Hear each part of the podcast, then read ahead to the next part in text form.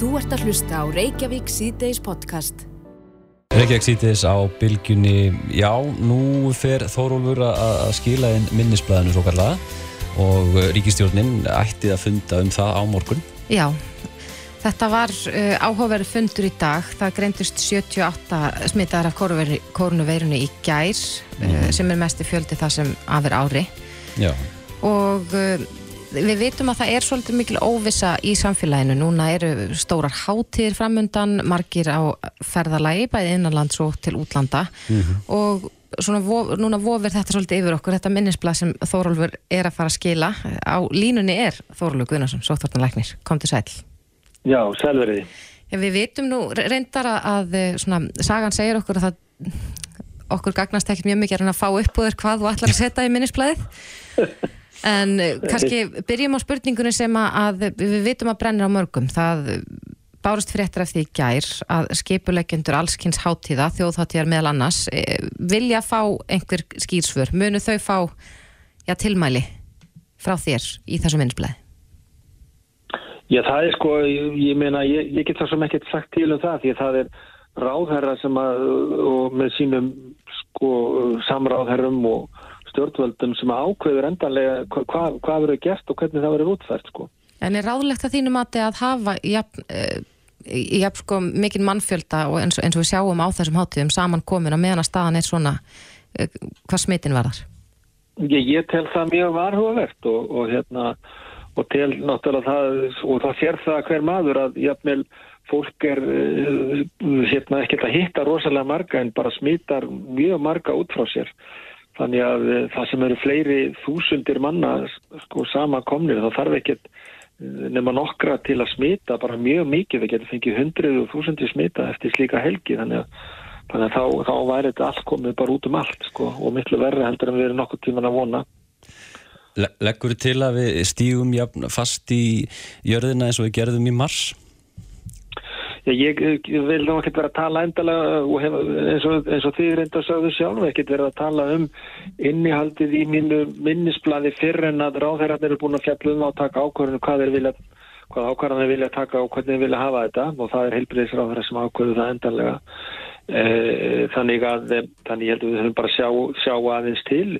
Auðvitað er maður líka alltaf að vonast þess að þessi útbreyta bólusetning sem við höfum náðið samfélaginu munum nú veit okkur líka einhverja vörn og viðspyrnu en það verist ekki að vera döga núna. Við erum með veldisvöxt á, á hérna veirunni og við erum með svona vaksandi veikindi hjá fólki sem að COVID-göngudeldin er að fylgjast með einn inni liggjandi og, og allavega svona 5-6 kannski svona yfirvofandi eða í nánu eftirliti út af veikindum og við getum bara fengið mjög hraða aukningu í þetta uh, bara á næstu dögum eða viku, við veitum ekki nákvæmlega mm -hmm. en auðvitað vonum við að, að bólusetningin myndi, myndi veita gott viðnum við slíku. Já, á hvaða aldrei eru þessar einstaklingar sem er að svona, glíma við meiri veikindi heldur en hinnir?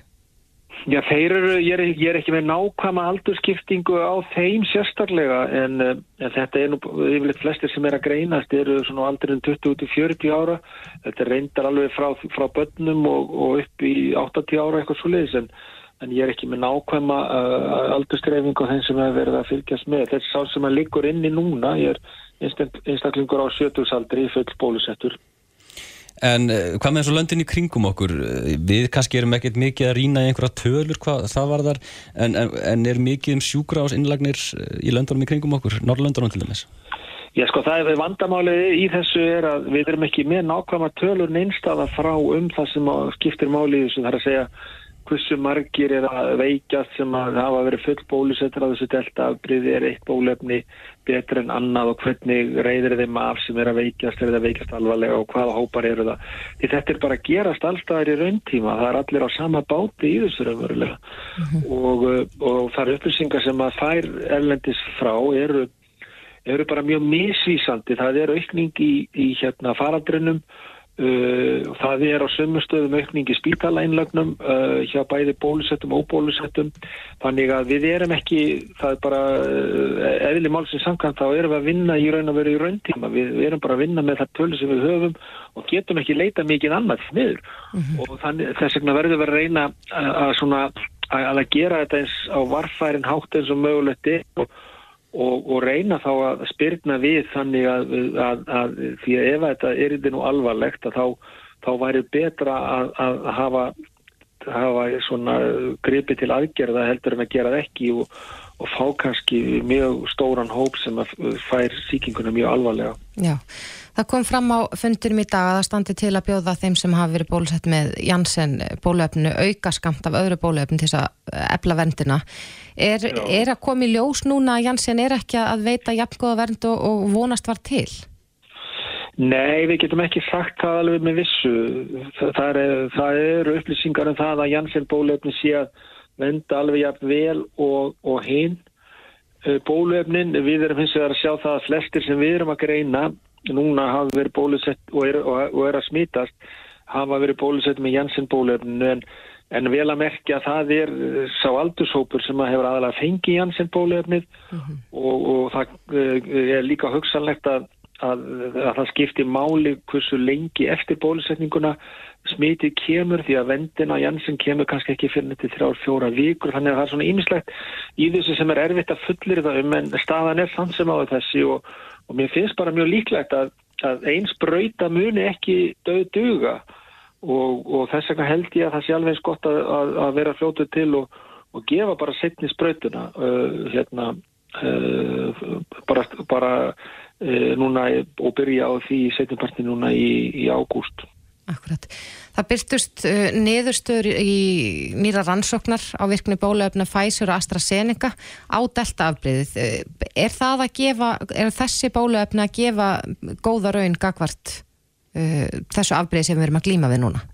Já, er tölur eru bara svona svipar og hafa verið að byrtast. Það eru náttúrulega margar rannsóknir sem hafa verið gerðar og menn er að byrta. Þetta eru bæði þetta er svolítið mismunandi rannsókning hvernig þeir eru gerðar og þeir eru gerðar í mismunandi löndum þannig að, þannig að það þarf að svona tólka niðurstöðuna svolítið í því ljósi mm -hmm. en mér sýnist nú að niðurstöðuna vera nokkuð samhljóðað en það að, að virknin gegn kannski öllu smiti er, er kannski ekki eins mikil eins og við heldum og vonuðist til uh, og það er sérstaklega niðurstöð frá Ísrael þar sem að þeir hafa bólusett langt mest og, og, og, og sína hvernig virknin er þar að þá er þá er virknin svona kannski kringu 60% gegn öllu smiti en, en kannski kringu 90% er, er gegn alvarlegum einkennum en, þetta, Ísraelsmenn hafa líka verið að tala um að, að þetta, þessi, þessa tölu getur verið lægri heldur en raunberi vittnin. Þannig þetta er svolítið breytilegt en, en og svo sjáum við bara hér að það er náttúrulega hópur af fólki að smítast trátt fyrir bólusetningu.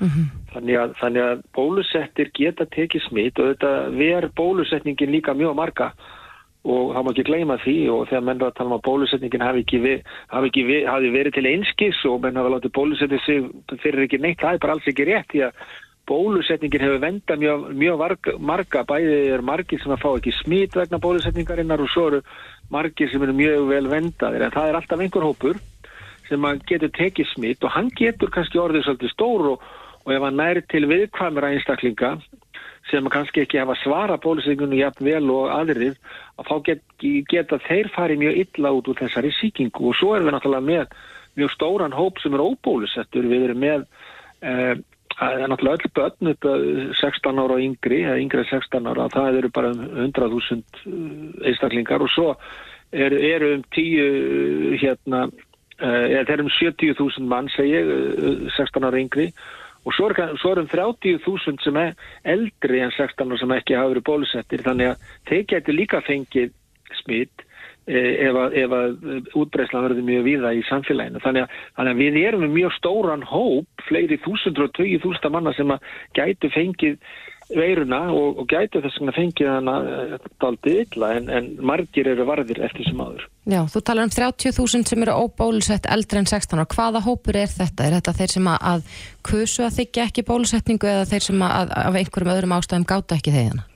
Já, við vitum það ekki nákvæmlega. Fólk er bara bóðað í bólusetningu og, og það mætir ekki og við vitum svo sem ekki alveg, sko, alveg akkverið fólk kemur ekki.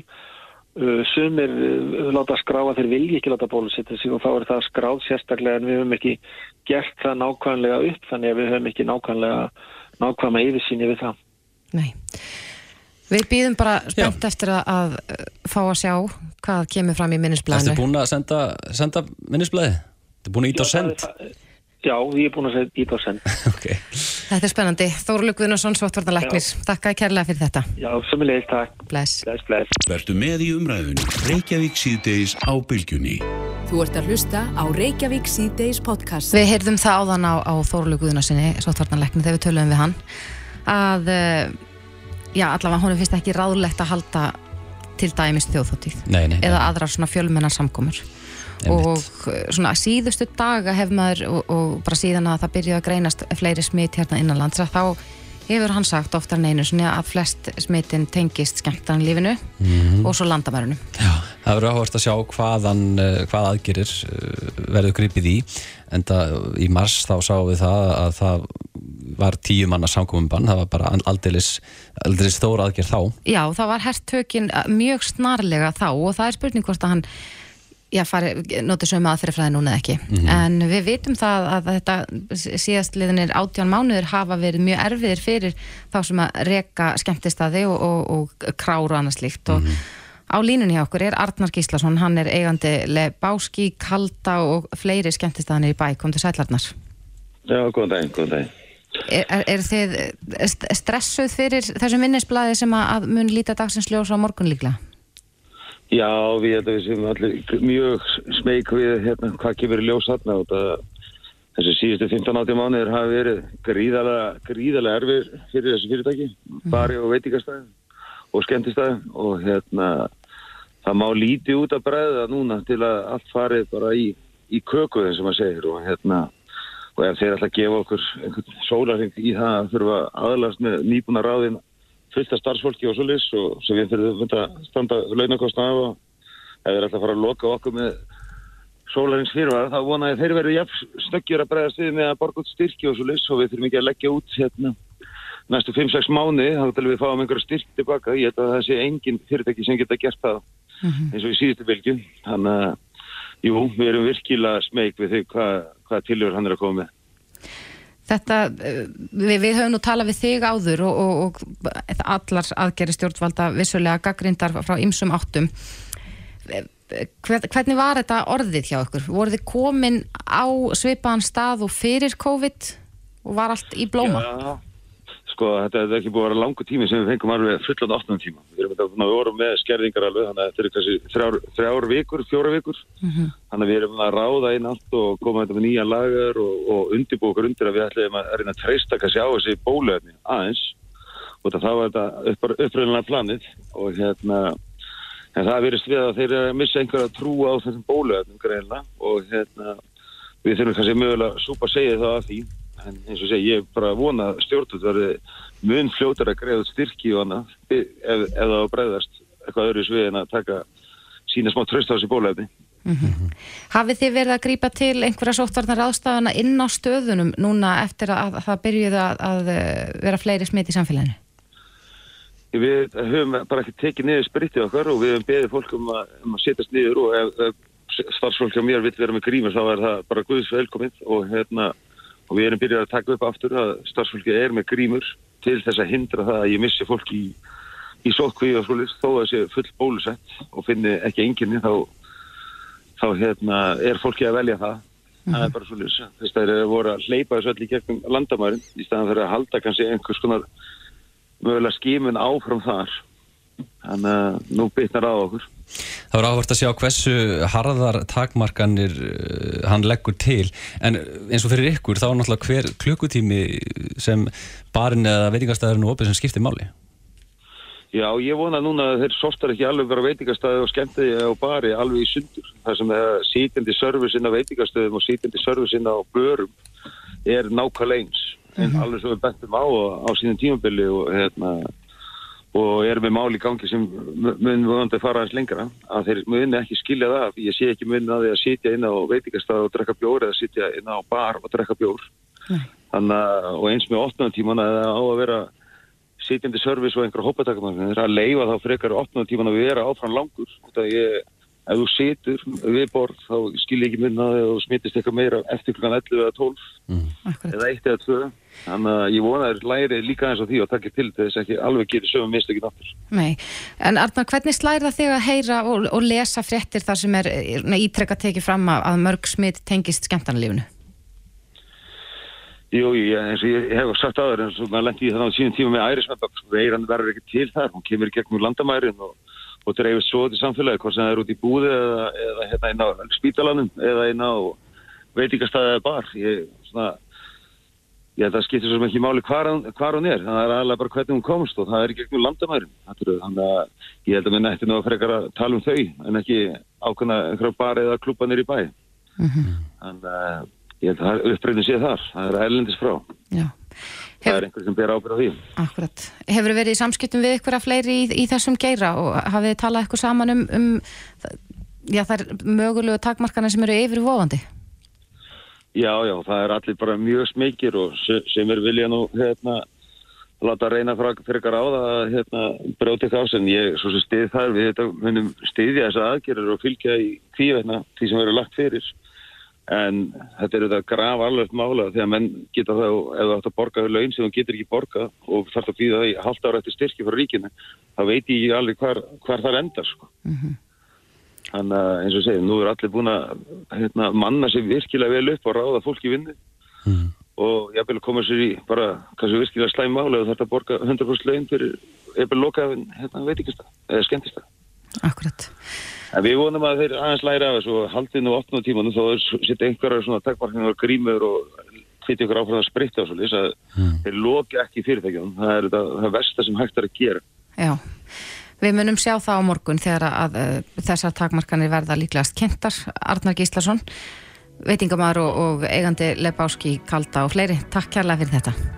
Takk sem að bless, bless. Hlustaðu hvena sem er á Reykjavík C-Days podcast. Já, við höfum í vikunni verið að ræða svolítið um þessa heitustu staði á Íslandi og við töluðum mikið um stjórnarfoss til dæmis. Já, Mm. ég var þarna áðan að eiga samtal við samstarfélag okkar sem er að fara alla leðina að Jökulsárlóni á morgun og, og síðan spurði hann með, heyrðu, hvað ætli sér skemmtild að skoða þarna leðin tilbaka? Já. Og ég sagði við hann, stjórnarfoss. ég hef ekki komið ánga sjálf. Já. En svo í gær voru að tala um hellana á hellu. Já. En uh, það er eitt app Mm. sem að, ég kynntist um daginn þegar ég var að keira að, að Hvannadalsnúk og það er mjög gaman að sitja í bíl ekki, þú ert ekki verið undir stýri samt í appinu, auðvitað Nei, nei, ekki, þú ert að vera ekki. farþegi í bíl. Þetta app heitir Kringum og það segir manni hvað er í Kringum Já, þetta er nefnilega eiginlega eins og vegahandbók en samt er þetta app og, og mjög mikið af svona fróðuleik og ýmsu skemmtilegu hann er komin til okkar, Karl Tórótsen sem bjóð til þetta app, Kringum, kom til sæl Já, verið sæl. Hvað segirðu, hve- hvernig, eða útskýrir aðeins fyrir okkur, hvað er þetta app? Já, appið rauninni er sem sagt gagnagrunnur uh, af áhugaverðum staðsetningum í kringum landið. Uh, það innheldur sem sagt rúmlega 12.000 staðsetningar, sögur, þjóðsögur, náttúrufyrirbæri og fleira, ljóð líka og alls ekki svona hluti, sem er er að staðsetja á ákvæmna staði. Og síðan þegar það gengið um landið eða kert um landið, þá er appið að segja ykkur hvað er nálagt sem er áhugavert.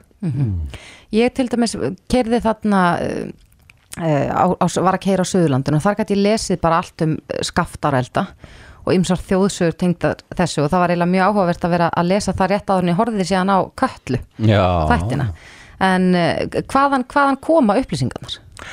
Já, sko, þegar við erum náttúrulega að tala um 12.000 atrið þá þurfum við að koma frá ansi mörgum stöðum. Eh, svona, kannski mestuleiti er þetta eitthvað sem ég hef skráð bara eftir lestur í ymsum bókum og öðru slíku. Öldin okkar er búin að vera mér alveg frábær. En síðan er líka gríðarlega mikið unnið upp úr opnum gagnagrunnum, til dæmis frá ferðamálastofu, frá landmælingum, uh, líka svona sérstökum staðsetningavefum eins og ég er að nota hérna torfbæir í Reykjavík uh, sem eru 2300 og það er Björn Jónsson sem eru skráð þá og hann gaf mér leifi bara til að nota það í appið. Bókmenta upplýsingar og ljóðu upplýsingar úr öðrum gagnagrunnum. En hvaðan kemur hugmyndin að þessu? Varstu bara að keira og, og, og velta þessu fyrir þér eða hvernig?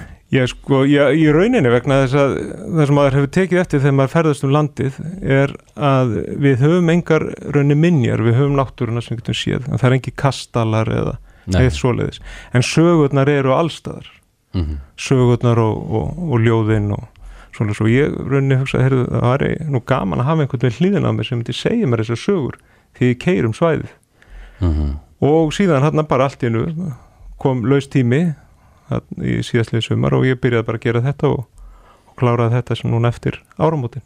Já, ég hef áður í þessum þætti sko dásam að vega handbókina vegna þess að mér finnst bara óbúslega gaman að vera að, að sko ferðast og fræðast í leiðinni. Uh, og mér fannst mjög skemmtileg spjalleitin gærum hellu og ég bara vissi svo lítið um hellana á hellu. Já, en uh, er, fólk mikið að sækja þetta? Er, er búin að vera mikil ásókn í appið svona í sumar? Og við vitum að við höfum Íslendingar hafa verið að ferðast meira uh, innanlands. Já, það er sko, þetta er, þetta kom út fyrir rúmund tveimur mánuðum síðan og, síðan þá hafa mölli 15 og 20 þúsund manns sótt appið. Og þetta er langvinnsalasta ferðappið á Íslandi og reyndar held ég mögulega það app sem hefur verið mest sótt í sumar, þetta var það sem ég þótt einna skemmtilegast að sjá var að þetta var alltaf fyrir ofan ferðagjöfina. Þannig að fólk var frekar að velja það að heyra sögur heldur en að fá 5.000 krónur. Þannig að þetta er búið að vera hérna alveg magnað að fylgjast með þessu hvað fólk er áhuga samt um sögur landsins. En getur þú séð eitthvað, getur þú trakkað eitthvað, séð hvað fólk er mest að klikka á eða eitthvað svoleiðis? Nei, það sko, það er líka einna punktum. Það er svona tveir svona svona grundvallar punktar í þessu sem eru kannski dálítið sérstakir það er fyrsta lagi það að appið er ekki sko, það notar ekki nettengingu. Þannig að það er hægt að vera hérna hvað sem er á landin og, lesa sögurnar. Það bara nota bara net, nettengingu og hún þarf að byrta eitthvað kort. Mm en síðan líka geymir hún engar upplýsingar um notendan þannig að það er ekkert ekkert geymt, þetta er bara alveg bara lokað, þetta er bara ykkar ferðafélagi og ykkar eigin síðan hinn hluturinn að hann er sá að margir að spurtbyttu er já, get, get ekki séð hvað er áhugavert að er hérna hjá skaftafelli eitthvað hlutis, áðurinnleika stað Mm. og neð, þú getur það ekki sko. Nei, ok. Nei, þú er verður að fara á staðinn og vera í því umhverju sem sögurnar gerast Mm. til að upplifa sögurnar, þetta á að vera hluti af upplifunin að ferðast um landið Mhm. Þetta er bara allt byggt á, á staðsetningatækni já, Akkurat, og það sem mér fannst líka gaman að, að þegar maður er að nota appið, bara út að núna er ég lýsa því sem bara algjör notandi, að maður getur séð sko fjarlæðina, hérna eftir 1 kilometra eða 1600 metra er eitthvað merkilegt eða er einhver saga sem að Mm. er verðt að lesa. já og það er líka sko, það er núna að detta inn sem sagt nýja útgáfan sko ég vil kannski taka fram hérna líka sko appið er auðvitað algjörlega ókeppis Mhm. Það er, það er enga greiðslu fyrir þetta er bara ókipis app. Margir að spurta því. En sem sagt nýja útgáðan sem kemur núna í vikunni og ætti að koma sjálfkrafi hjá þeim sem hafa þegar sóta er það að að þú getur sem sagt, þú sér einhvern áhugaverðan stað þá getur ítt á takka og fengi leiðbenningar á staðin Já, og líka hún sýnir í hvað átt hérna staðurinn er frá þinni staðsendingu. Og það sem er kannski hérna skemmtilegast er að, að það er upplestur.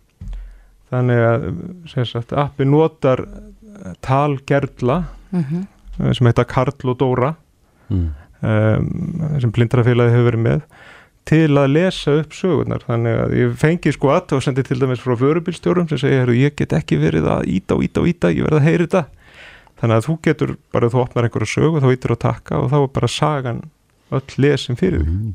já þannig að nú geta þeir sem ferðast einir eh, nákvæmlega nýtt appið.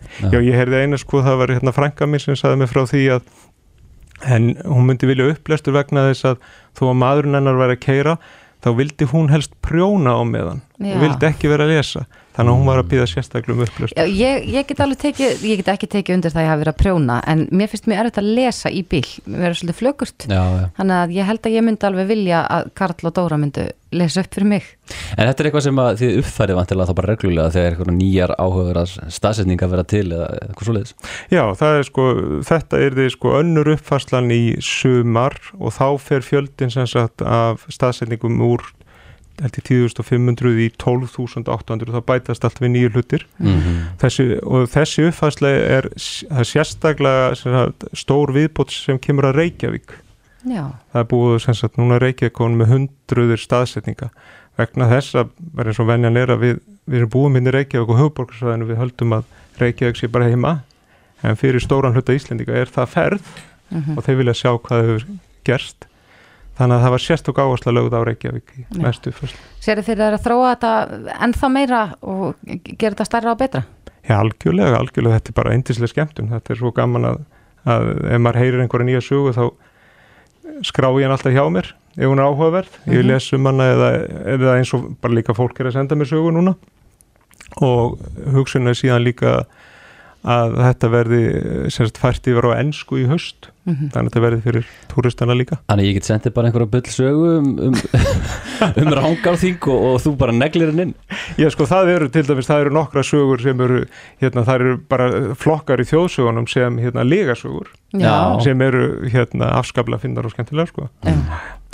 Við skulum ekki fara að rekja hann þannig, Benedikt. Nei, nei, nei, nei, nei alls ekki. Ég var Karl- bara að tjóka Karl Þórðsson, takk kærlega fyrir komuna og bara hvetjum alla til þess að er þetta ekki til í App Store og Play Store og, og þessu helsta? Jú, jú, það er annarkvort fakt að fara inn á App Store-ið eða bara á kringum.is, það er beitt linkur Mm Já, Hvetjum alla til þess. Ég er að downloada þessu Geggjað. takk fyrir þetta Takk fyrir komuna. Reykjavík síðdeis á bylgjunni. Reykjavík síðdeis á bylgjunni heldur áfram. Það, eh, já, var svolítið erfitt kannski að fylgjast með þessum upplýsingafundi almannavarna í dag. Það er yfirvofandi að, að það verði hert á tökunum hérna innanlands. Já, Þórólf ætlar að skila minnisblæði í dag og mögulega þá fáu að sjá eitthvað frá ríkistjórninu á morgun Akkurat, en um, það er núna fimm dagar held ég í það að, að nýja reglur taki gildi á landamærum og, og við höfum heyrt út undan okkur að, að það er nú þegar farnar að berast afbókanir til dæmis í afþreyingu og annað slíkt hérna innanlands og, og gistingu en það er spurning hvað er að frétta í fluginu og á línni hjá okkur er Birgir Jónsson, forstjóri Play, kom til sæl. Góðan daginn. Já, eins og heyrir að þá, þá hef, hafa verið að berast fréttir af afbókunum, er, er það sama staðan upp á teiningnum hjá ykkur? Við erum, að, við erum að upplifa það að farþegarnir okkar eru hikandi og, og eru að spurja sig hverja reglunar eru og hvernig, hvernig aðstæðar eru að breytast. Uh, ég held að flest flugfélag og allavega play er að bjóða mjög segjanlega breytingaskilmála og það hefur alltaf verið upp á borðinu þegar fólk hefur bókað flugmiða núna síðustu mánuði í þessum faraldri að, að það eru auðvelt að breyta og, og við erum segjanlega og við erum vissulega að sjá það að þessi segjanlega gera að skila sér og fólk er að, fólk er að nýta sér það en, en í raun og veru bara að færa tilferðir.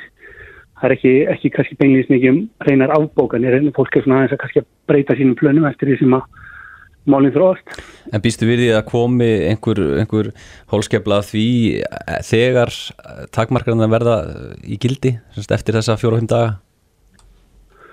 Ég held sko að þessi PCR-próf og, og þessi hérna, antigen-próf sem er að koma inn á mándaginn séu kannski ekki, ekki, ekki þannig. Ég held, að, ég held að fólk sé bara þurfi bara að átta sig á reglunum og, og kannski skilja hvað er hægt að fara í prófin og slíkt en við erum ekki að upplifa það að fólk sé beinlins að hætta við að breyta fyrir beinlins út af þeim.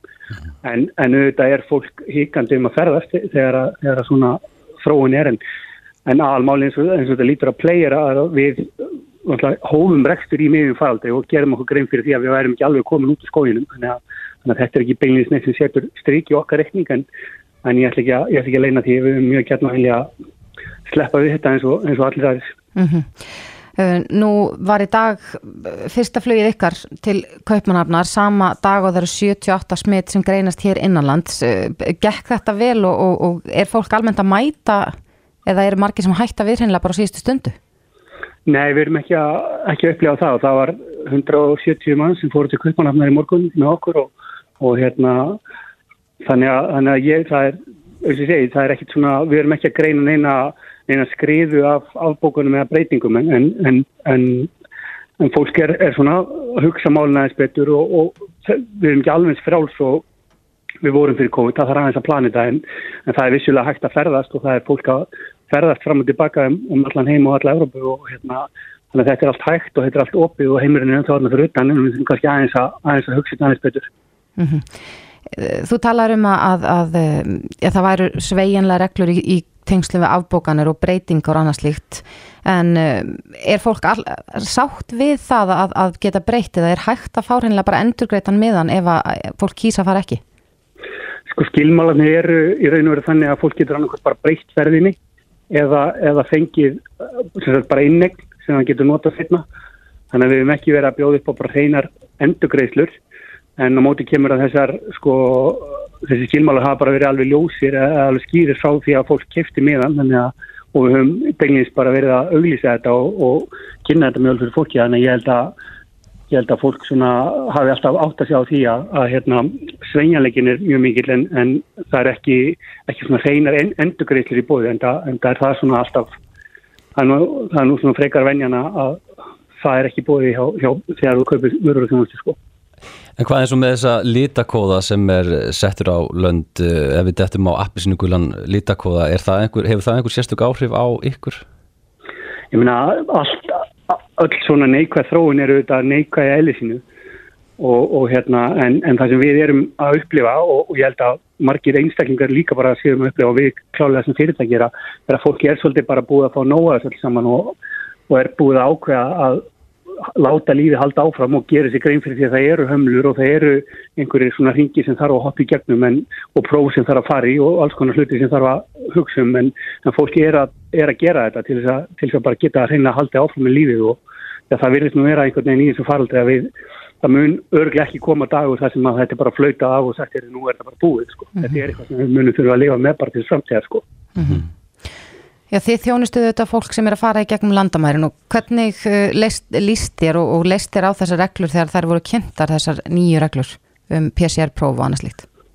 Já, ég bara treysti yfirvöldum og, og hérna, ég held að þetta sé greiðlega erfitt hlutskipti sem að yfirvöld og sótarnalagnir og aðrir ráðamenn hafa en, en það sem ég auðvitað verða kalla eftir og ég held allir í ferðarþjónustinni og bara aðtunur eftir almennt hljóta að gera er að það vantar kannski svona skýrari línur það er, það er skrítið um svo síðustu daga þetta er svona byggjistóldi á sögursögnum það er einhver einn læknir á landsbyttalum sem segir eitthvað eitt í einhver mútasætti og svo er annar einhver starfsmæðar einhvers rauðakrossin sem segir eitthvað ennannað og fólk er svona kári segir eitthvað eitt og eitthvað svona það vantar svona einhver, einhver skýra línu bara frá heilbriðs á það bara frá einhverjum kjörnum ráðamanni sem að leggu bara línurnar við getum ekki verið að dansa svona fram og tilbaka sko byggt á einhverjum sko bara hugreyningum manna út um allan bæ sko. Mm -hmm. það, það verður að, að vera að vera einhver svona framtíða sín og ég áttam alveg á því að, að þetta sé breytilegt umhverju og það er kannski ekki alveg hægt að segja nákvæmlega hvernig þetta verður en við verðum samt að skilja hver markmiðin eru mm -hmm. þetta er búið að breyta svo hratt fyrst var það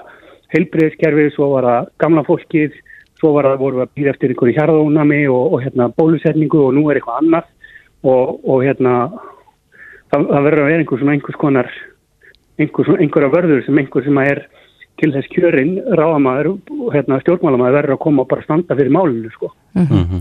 Við sáum það þetta þegar að, að stjórnvöld kynntu þessar fjórar vörður í átta aflettingum og, og það tók gildi núna mánamótin en, en svo hafa hlutirnir þróast í aðra átt. Kallar þau sem sagt eftir já, bara skýrari svörum núna þegar að staðan er breytt? Ef það þarf að taka erfiðar ákvæðanir og ef það þarf að valda fólki vonbreyðum eða, eða raska atvinnurekstri þá verður einhver ráðherra að, að koma bara og, og, og standa fyrir því og taka þær erfið ákvarðin. Það er ekki hægt einhvern veginn að, að sko láta þetta vera svona óljóst svona lengi. Fólk veit bara ekkert hvað er gerast, gerast næstu daga eða, eða það er auðvitað ekki hægt að hérna, reyka fyrirtæki og þar með ekki hægt að borga laun og fólki sem á síðan borga skatta þeim launum. Þetta er bara svona ringra sem að við verðum að fá einhverja festu í þetta. Mm -hmm. Já, það er eh, ljóst að það er mikil óvisa. Finnið það líka hjá, hjá farþegum sem að hinga þeirra að koma og, og þeim sem er að fara hérna að, að fólk kallar eftir einhverju svona vissu? Já, og, og, og líka bara miklu vilja til að setja sig inn í málinn og upplýsingargjöfin er bara ekki nokkuð og ég áttam alveg að því að þetta er óskýrt og það er erfitt að, það er erfitt að gefa upplýsingar í síbreytilu umhverfi en það verður samt einhver, einhver einn aðili að tala fyrir málinn. Það það gengur ekki að séu svona, svo, svo kemur einhver fyrirsögn í einhverju blaðum, einhverja 90% vend og svo kemur einhver annar læknir og segir að, að þetta sé svona hins einn og einhver, skilu, þetta er bara svona fer svona fram og tilbaka, það verður einhver að koma og segja að við erum að grípa til þessar aðgjara til þess að ná þessu fram og þá gerist þetta og þetta tímaramminn og eitthvað svona, sko. það, það er ekki bara hægt að, að, hérna, að svona, hafa þetta í svona einhverju, í, í svona mikil móðu, sko. Uh, nú erum við komið með hvað, uh, nýju áfangastæði, er það rétt hjá mér? Já, það getur já, já, eitthvað svolítið. uh, hvernig er svona áframhaldi? Er þið að fara að setja fleiri áfangastæði í lofti eða, eða er þið svona að býða áttekta? Sko eins og ég segi, við setjum þetta okkar rekstur í gang í júni þegar, að, þegar að við erum þetta í miðjum faraldri, þannig að við okkar nálgun á þetta er að fara mjög hægt af stað mm. og, og mjög varlegum skrefum, þannig að, þannig að þessi hérna þessi þróun núna, þá ég myndi gladur vilja vera lausið hana, þá, þá er þetta ekki eitthvað sem er að setja einhver sko afgerandi neikaði strík í okkar rekstur. Við erum við þessu búin og höfum innbyggðan segjanleika í okkar kerfi sko. Um, það er ekkit, það er ekkit útilokað að við þurfum einhvern veginn að breyðast við með því að, með því að kannski skera nýður einhver, einhver flug á næstu vikum og mánuðum ef, að- ef, að- ef þetta verður miklu, komur að segja, enn neikvæðri þróun en, en það er líka bara eitthvað sem við höfum kynnt til dæmis fyrir fjárfæstum mjög vel og við höfum bara þann segjanleika og, hérna og ég myndi segja að við núna er, er þetta reyna, þetta ástand er að reyna bara styrkleikana í mótelin okkar þannig að við erum svo sem erum ekki að, erum ekki að missa svefni í þessu en, en, en ég ætla ekki að leina því að ég er ánæður ef, að- að málum myndi leysa frætt. Já. Birgir Jónsson, forstjóri play, við sendum kæra hver, hverjur Norður í land. Takk hérlega fyrir þetta. Takk, takk. Þetta er Reykjavík síðdeis podcast. Já, olimpíuleikarnir í Tókjó hefjast uh, á morgun og, setningaráttiðin hefst uh, já, klukkan 11 á íslenskum tíma. Já, eins og við heyrðum hérna fyrir vikunni þá verður setningaratöfnin svolítið frábrúðin. Ólimpíuleikarnir eru þetta frábrúðinir í ljósi heimsfaraldurs. Mm -hmm, Engir áhorfendur og, og uh, þar fram til göttum. Þetta er allt svolítið öðruvísi, Já. en á línunni er Sigurbjörn Árni, okkar, okkar besti og fremsti e, frjáls íþrótta lýsandi. Hvað segirðu, hvað, hvað er klukkan hjá það gamli? Hún er að verða sem sagt eitt eftir miðinætti 20. og 3. jú- júlí sko, það er að segja ný, 23. júlí er nýbyrjar, ég er nýju tímum á undan ykkur. Já, þannig að, að, að setningaratöfnin er í raun og veru bara í dag, má segja það? Já, hún, já, hún er sko raunverulega hjá okkur er hún sko 8 annað kvöld sem er 11 þá að, þá að ykkar tíma á föstasmótni. Akkurat. Og hvernig er svona stemningin fyrir mótunum, svona í, í þínum huga? Já, hún er náttúrulega bara góð en, en náttúrulega dálítið, dálítið sérstök vegna þess að það er alltaf að koma um smit og einn og einn íhrútamaður að detta út og, og svoleiðis en e, og, og, e, og náttúrulega færra fólk hér heldur en vennilega á olimpíuleikum en enga síður sko, maður, maður verður alveg varfið að þetta eru, eru olimpíuleikar.